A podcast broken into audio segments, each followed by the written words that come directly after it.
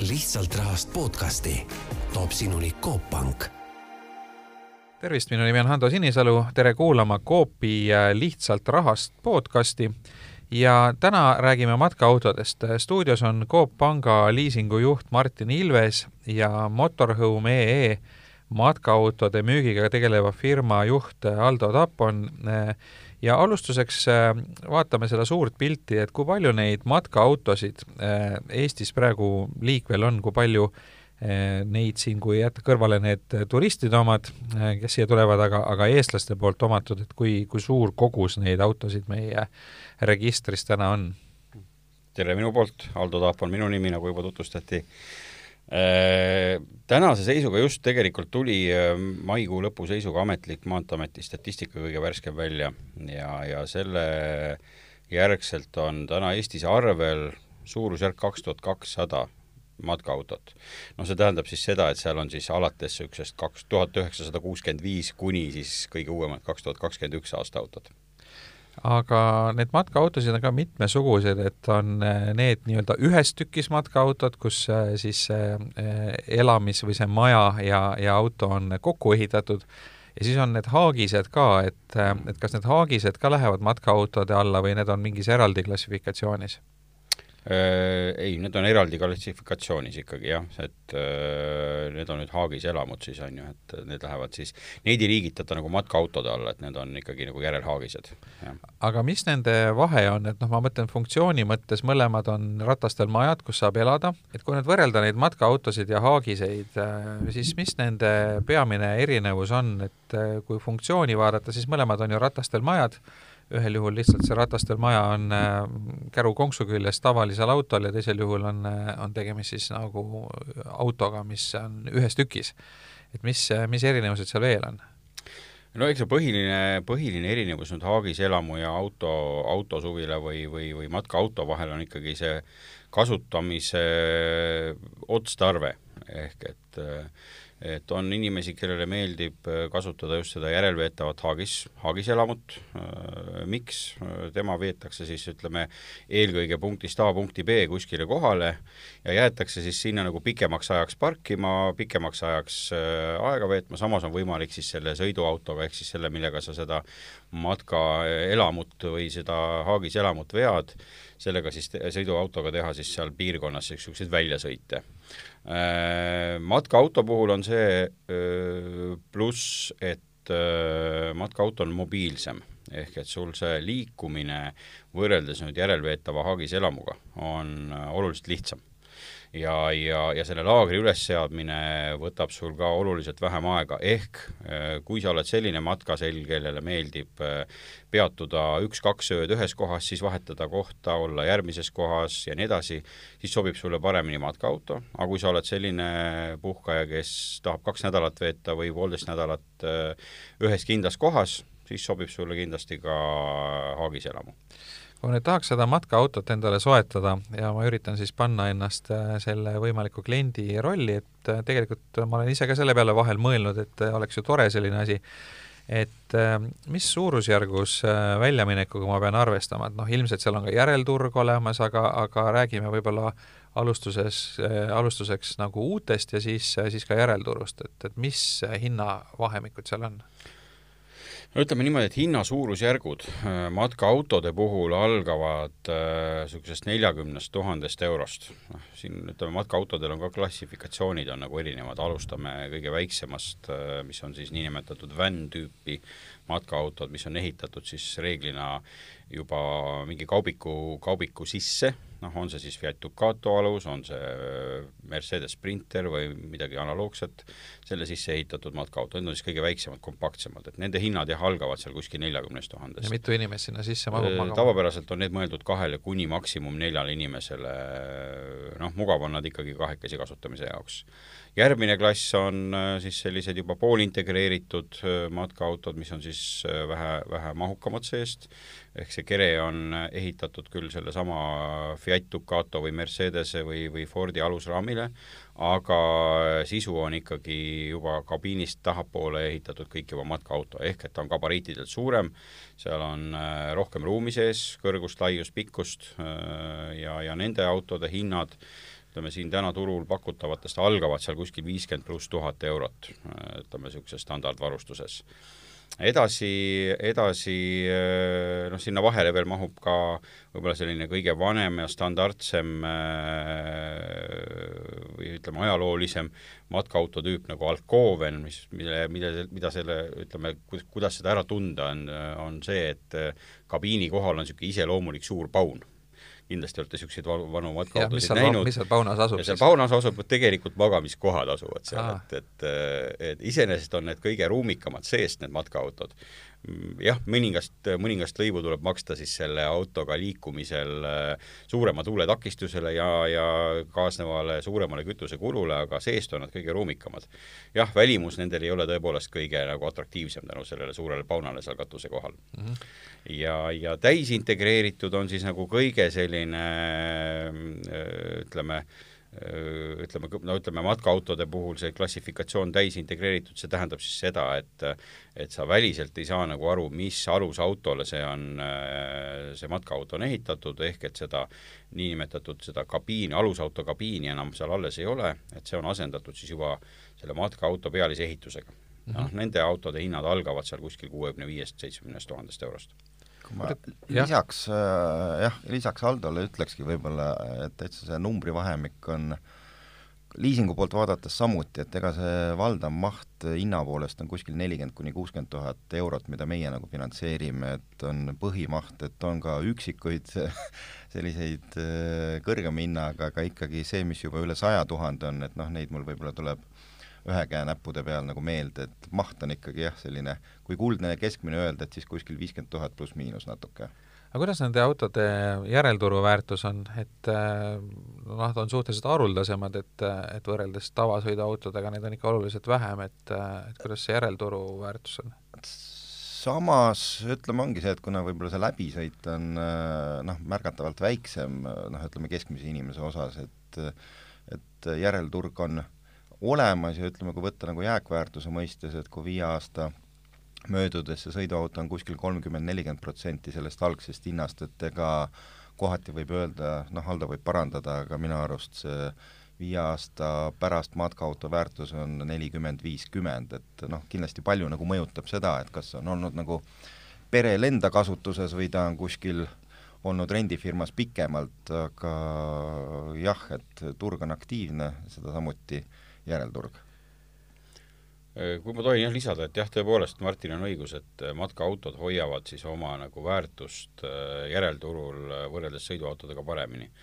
et, et ei ole ka üldse haruldased sellised, ütleme, viie aasta, viie aasta, viis aastat kasutatud autodel äh, võrreldes nüüd selle ostuhinnaga see järelturuväärtus ka seal kuuskümmend protsenti ja isegi rohkem. et eks see sõltub natukene tolle hetke turukonjunktuurist ka, et, et, et viimased aastad on siin, viimased kaks aastat on see turg olnud väga aktiivne ja hea, ehk et need ka kasutatud autode hinnad on säilinud päris, päris nagu hästi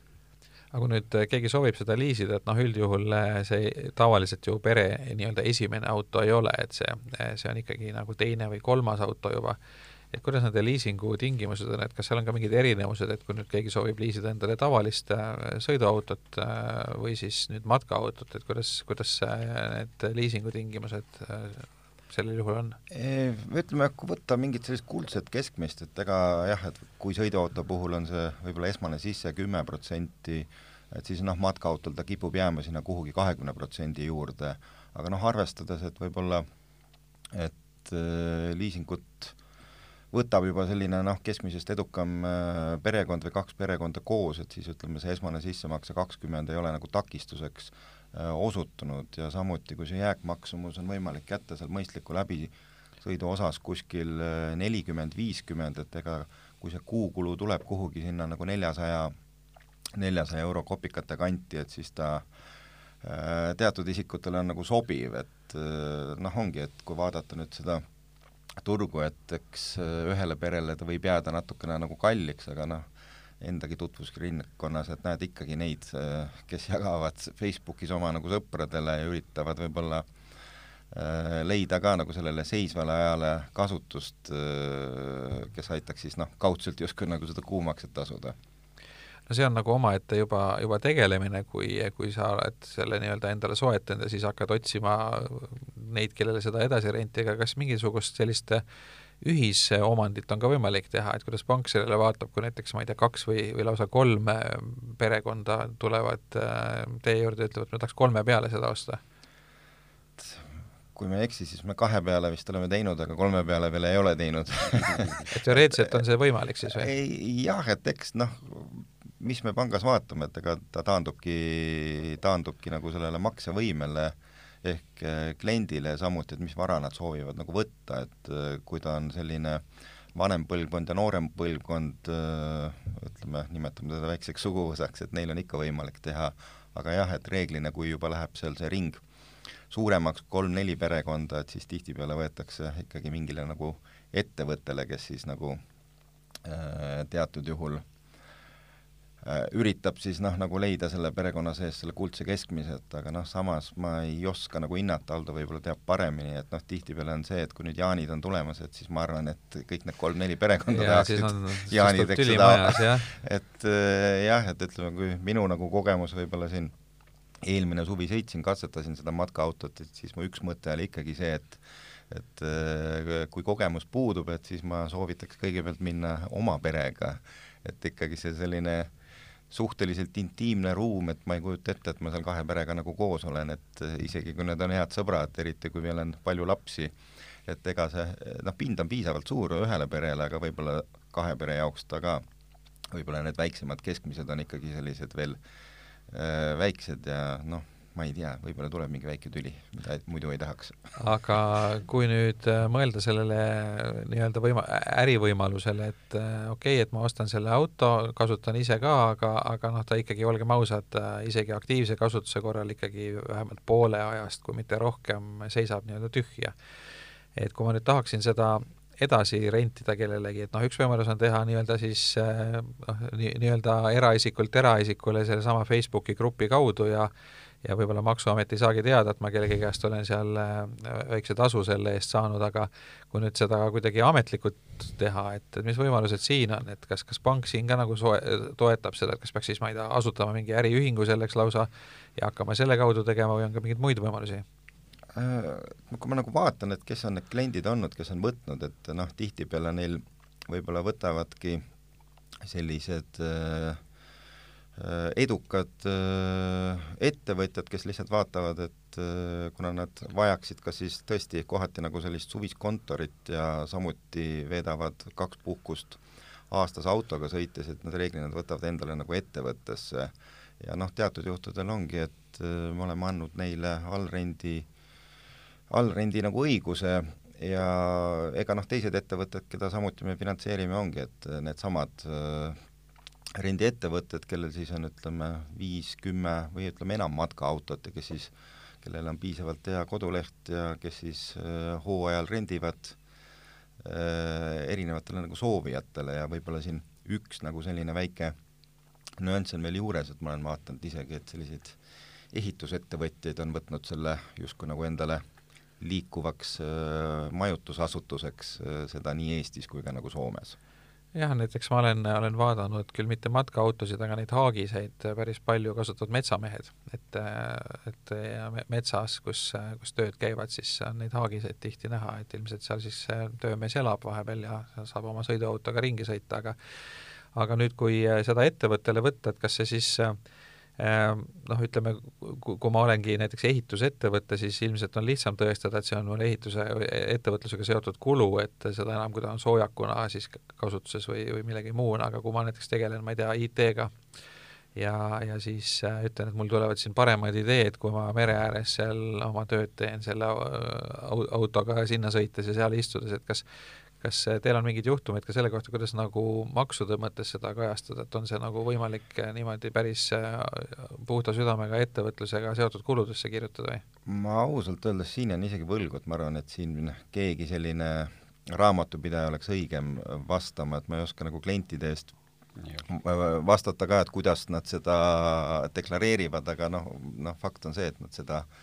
peavad nii tegema, et ta nagu igas mõistes oleks korrektne no praegu on, on see kontori ja kodu ja siis ka liikuva kodu mõiste niikuinii väga häguseks muutunud, et ilmselt siin ei olegi väga selgeid vastuseid sellele küsimusele ka, et, et enne kui esimesed kohtulahendid selle kohta tulevad, et praegu ilmselt on siin päris palju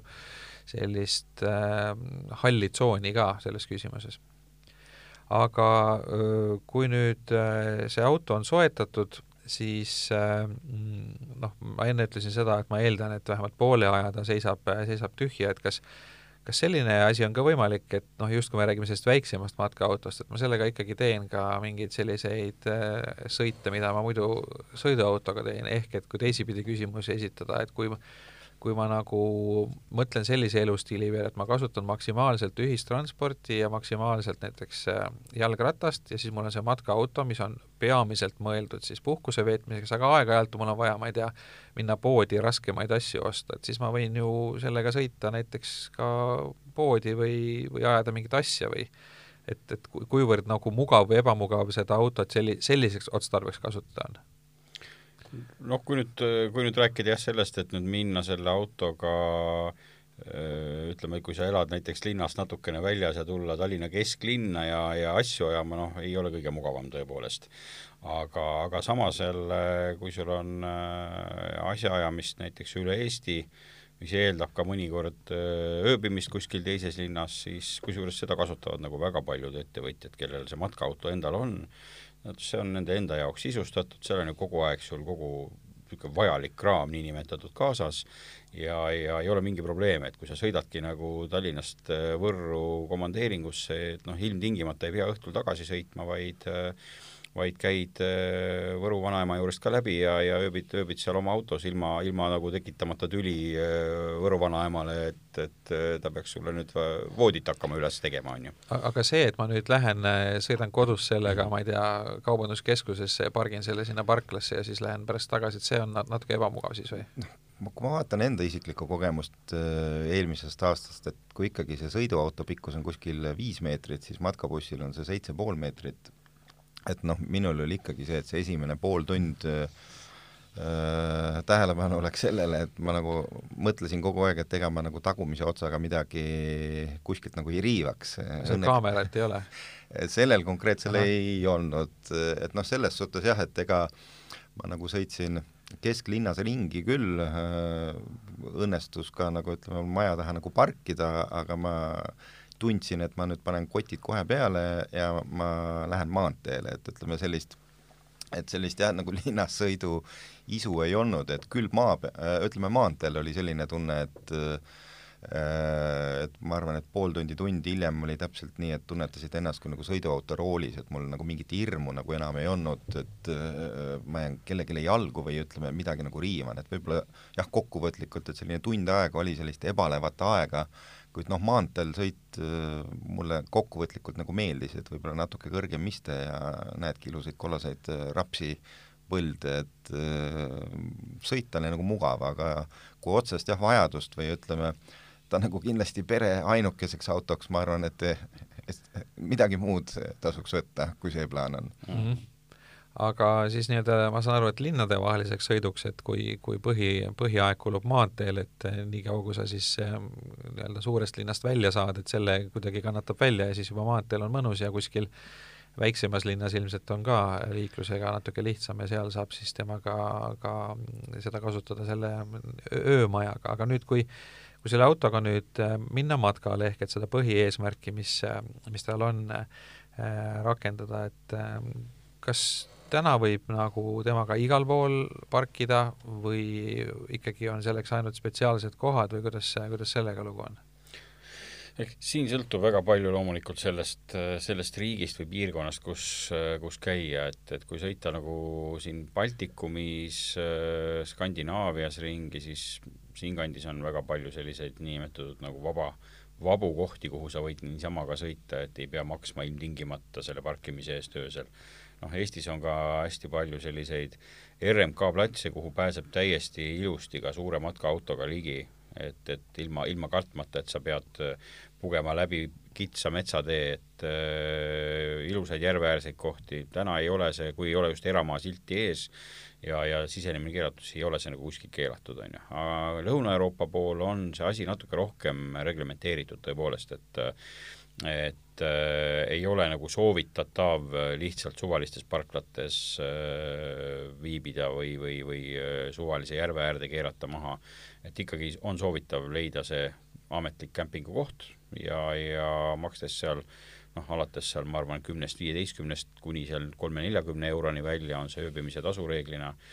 aga samas on sul olemas seal kõik vajalikud äh, kommunikatsioonid, sa saad autol tankida veepaake täis, tühjendada veepaake äh,, sa saad elektripistikusse pista auto vajadusel ja nii edasi, et äh, lisaks loomulikult ka niisugused hügieeni, hügieenivõimalused, dušid, WC-d ja nii edasi. Kuhu see eestlane üldse täna sõidab, mul endal puht sportlik huvi tekkis, et kas lõunasse või põhja või, või kui pikk tal nagu selline no tänast seisukorda, ütleme tänast si-, päeva vaadata, siis sõidetakse valdavalt Eestis, äh, see tuleneb ikkagi nendest pandeemia piirangutest, eelkõige äh, kui me eelmist aastat vaatame, siis oli eelmine aasta oli äh, Baltikum ja mingil määral Soome põhilised sihtkohad. Ja, ja enne seda pandeemia aega mm, kogu Euroopa tegelikult, Horvaatia, Itaalia, hästi palju käiakse Norras, Norras matkaautoga on väga ilus sõita ja, ja ja seal ausalt öeldes ütleme, kui sa tahad näha ikkagi neid ilusaid fjorde, siis matkaautoga reisimine ongi üks ainuke võimalus.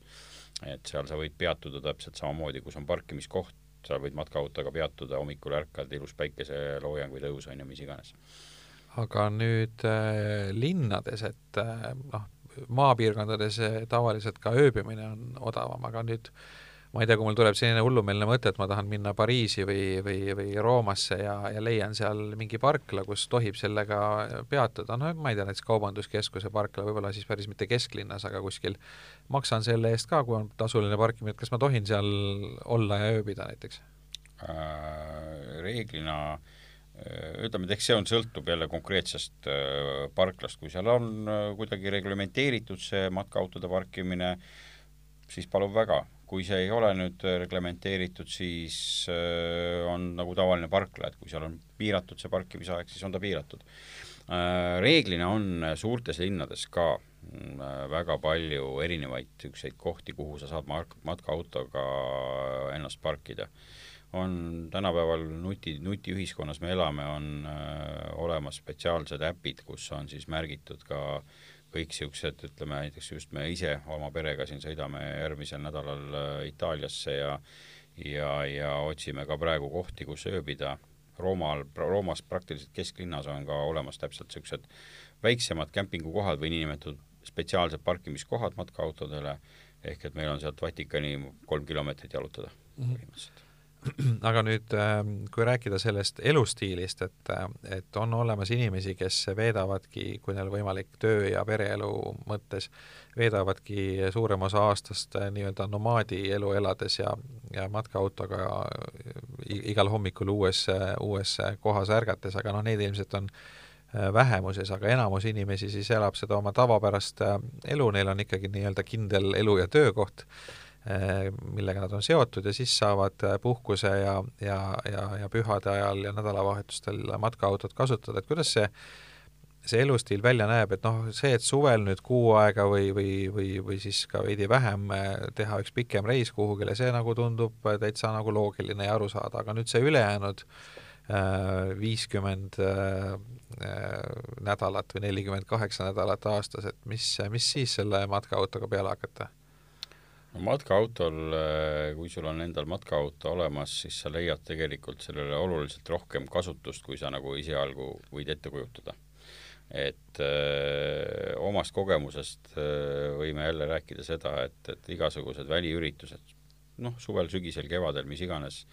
on need välikontserdid, on need välietendused, äh, sul on võimalus sõita sinna kohale oma matkaautoga ja, ja vaadata etendus ära, nautida ka klaas äh, head veini ja sa ei pea ilmtingimata õhtul äh, hilja peale selle etenduse lõppu sõitma siis koju tagasi. et sa saad rahulikult oma matkaautos selle öö veeta ja hommikul vara siis juba tagasi sõita. samamoodi nädalavahetustel või ütleme, sõpradel külas käimine. Ausalt öeldes noh, me ei ole nagu aastaid enam ise küsinud, kui sõpradel on vaja külla minna, et ega te, kas te öömaja saate pakkuda, et, et kui me tuleme külla teile.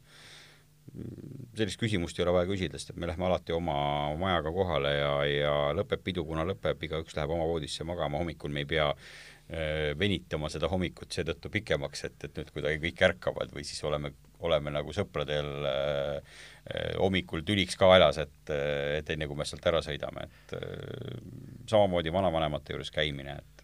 et annab nagu väga palju lisavõimalusi sulle teda neid kasutada ja mitte ainult suvel, loomulikult mitte ainult suvel, vaid ka kuidas see küttega on, ma tahtsin küsida, et, et kui väljas noh, et talvel, et võiks ju mõelda, et saaks ka suusatamas näiteks käia, et et noh, kui väljas on miinuskraadid, et kuidas, kui mugav seal autos ööbida on? väga mugav. See aasta meil, noh, meie perekond käib alati talvel ka suusatamas, see aasta me käisime suusatamas Eestis. igal pool Kuutsemäel, Valgehõbusemäel ja me ööbisime alati matkaautos. aga kas seal on vaja siis mingit elektriühendust, et seda kütta või kuidas ta otseselt see... ei ole vaja elektriühendust, matkaautod on ikkagi reeglina niisugused autonoomselt võimalik ka täiesti et ta ühe öö siis nii-öelda aku pealt äh, hoiab selle maja sooja, et, et saab täitsa vabalt ühe öö näiteks äh, siis ilma elektriühenduseta ka hakkama ühe ööga ei ole üldse mingit probleemi, et äh, reeglina on matkaautodel küte toimib gaasi või siis diiselkütte pealt. sest äh, noh, ütleme ongi, et Aldole lisaks, et kui ma nagu vaatan nagu seda kevadet ja samuti, et kui palju ma nagu Eesti peal olen nagu ringi käinud, et ega nagu tekib küll mingi hetk ka juba väike matemaatika peas, et, et kas võiks olla, et kui vaatad, et ega see majutus ka nagu niivõrd odav enam ei ole, et kui sa võtad kaks päeva nädalavahetusel, et äh, kipub ikkagi sinna paarisaja euro kanti minema, et noh, siit tekibki võib-olla selline öö, sisemine tunnetus, et eks inimene teab, et kui palju ta nagu võib-olla aastas nagu liigub ja, ja võib-olla noh, Eestis ta võib-olla niivõrd palju ei ole, aga Euroopas rohkem, et ega see matkaauto on ju mingis osas nagu liikuv suvila. et noh, siin tekib ka küsimus, et kas sa tahad suvilat, mis on kuskil paikselt sul kas siis Lõuna-Eestis või nagu Saaremaal, või sa oled pigem inimtüüp, et et, et sa ei taha kogu aeg olla Lõuna-Eestis ja Saaremaal ja võimalusel tekib sul see, et lähedki kuhugi võib-olla Eestis kontserdile või siis võtad nagu pikema, pikema retke ette ja sa nagu tead, et sul sisuliselt kodu on kogu aeg kaasas. Aga kas päris väikseid selliseid matkaautosid ka on, mis nagu siis äh, on, on sellise tavalise kaubiku suurusega, et, et mis, mis tegelikult siis ka nendes riikides, kus on matkaautodele mingid piirangud kehtestatud, sinna alla ei mahuks, et umbes, umbes nii, et väljast ei saagi aru, et see on mingi täitsa tavaline mingi Ford Transit, et kõige levinum kaubik, et, et seal sees lihtsalt on tuba sisustatud. Noh, eks seda kasutatakse, seda võimalust kindlasti, nagu, nagu ma alguses ütlesin, et see ongi see niinimetatud van tüüpi matkaautod, ongi ehitatud siis kas on ta Fiat Ducato või Ford Transiti või, või, või, või Mercedes Sprinteri äh, kere sisse ja nad tõepoolest ei eristu ka väliselt väga palju tavalisest kaubikust, on ju. et kui sa nagu spetsialist ei ole ja kui seal ei ole just nimelt kirju peal suuri, et siis äh, ei pruugi äh, tavainimene aru, arugi saada, et tegemist on matkaautoga mm. -hmm aga nüüd, äh, kui kellelgi tekkis huvi äh, seda juttu kuulates, et, äh, et tasuks proovida, et ma saan aru, et nüüd mõned asjad, mida siit kõigepealt teele kaasa võtta, on see, et kõigepealt vist võiks proovida, et rentida seda ja proovida ära ja vaadata, kas meeldib ja, ja, ja äkki tuleb pisik hoopis külge, et tahaks edasi, aga, aga igal juhul selline prooviperiood on mõistlik, eks ole. Ei no puhtalt jah, et, et mul on see matkapisik olnud võib-olla siin juba aastakümneid sees, et võib-olla kunagi oli selline Äh, Land Rover Defender kandiline auto, kus oli mul telk peal, aga noh, siis äh, vanus läheb edasi, et siis võib-olla väga külma veega ei taha endal hommikul kuskil pesta, et siis nagu mugavus hakkab lugema, et noh, mul ikkagi eelmisest aastast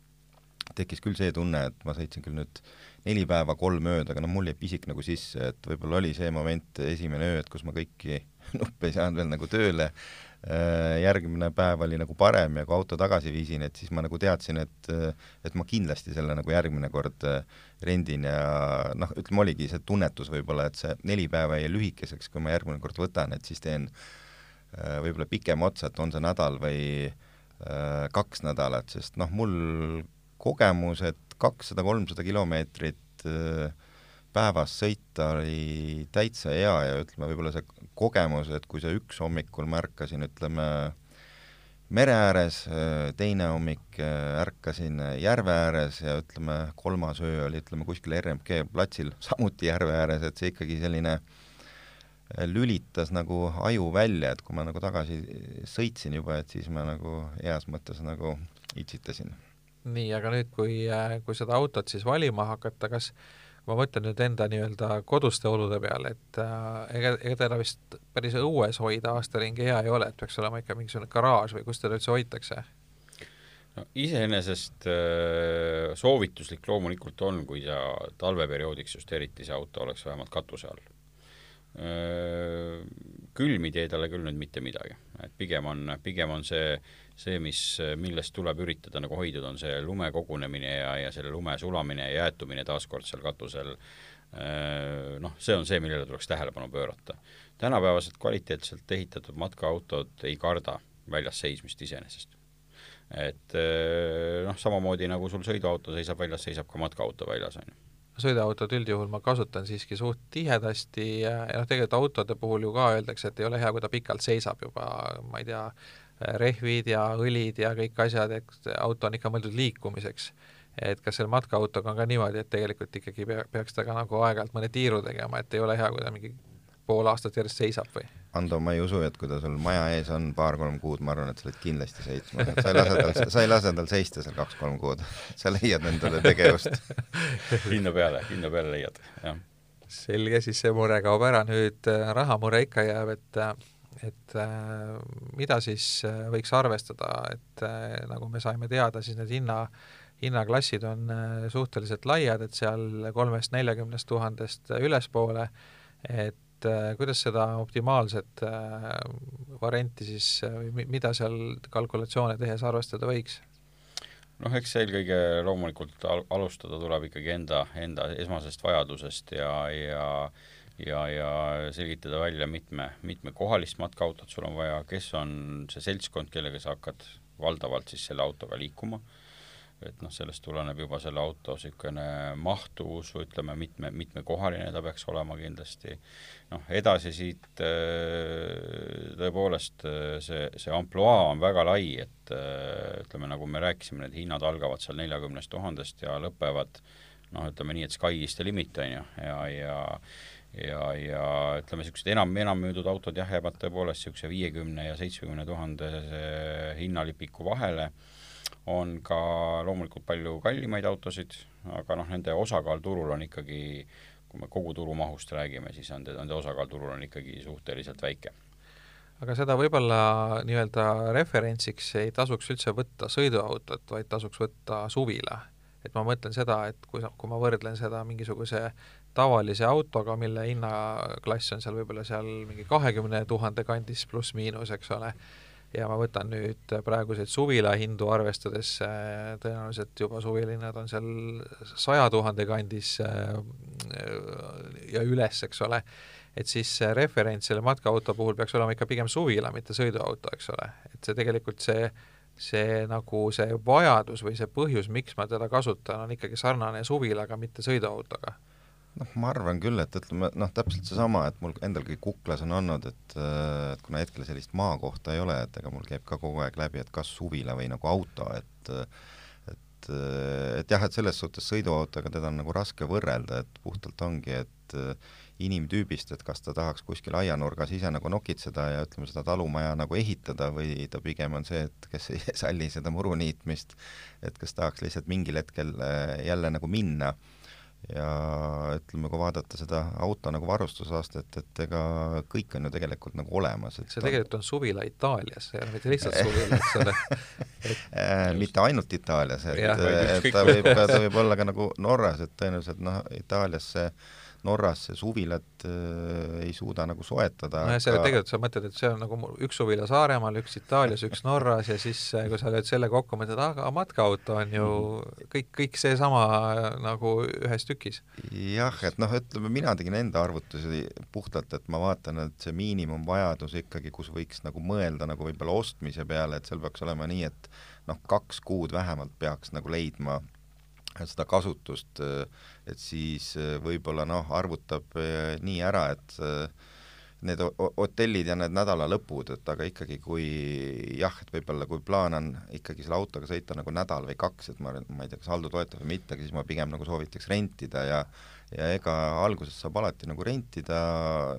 ega see tunnetus tekibki, et kas ta nagu on sobilik või mitte, et äh, algul rentida, hiljem saab alati osta. no just nimelt, et äh, eks meil on ju ka,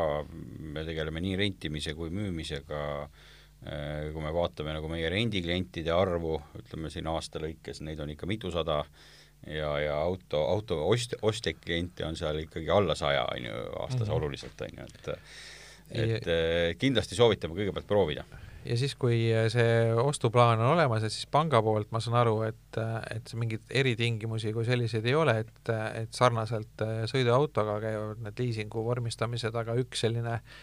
positiivne asi on see, et selle matkaauto jääkväärtus üldjuhul on veidike kõrgem kui äh, sõiduautol sama ajaperioodi kohta. kindlasti. jah. Aga kui huvi tekkis, siis äh, motorhome.ee on äh, see firma, kust neid saab ja, ja Coop Pangast siis huvi korral saab liisingut juurde küsida. Martin Ilves, Coop Panga liisingujuht ja Motorhome'i juhataja Aldo Tappon eh, ajasid täna Hando Sinisaluga saates juttu, aitäh kõigile kuulajatele ka ja järgmise korrani! lihtsalt rahast podcasti toob sinuni Coop Pank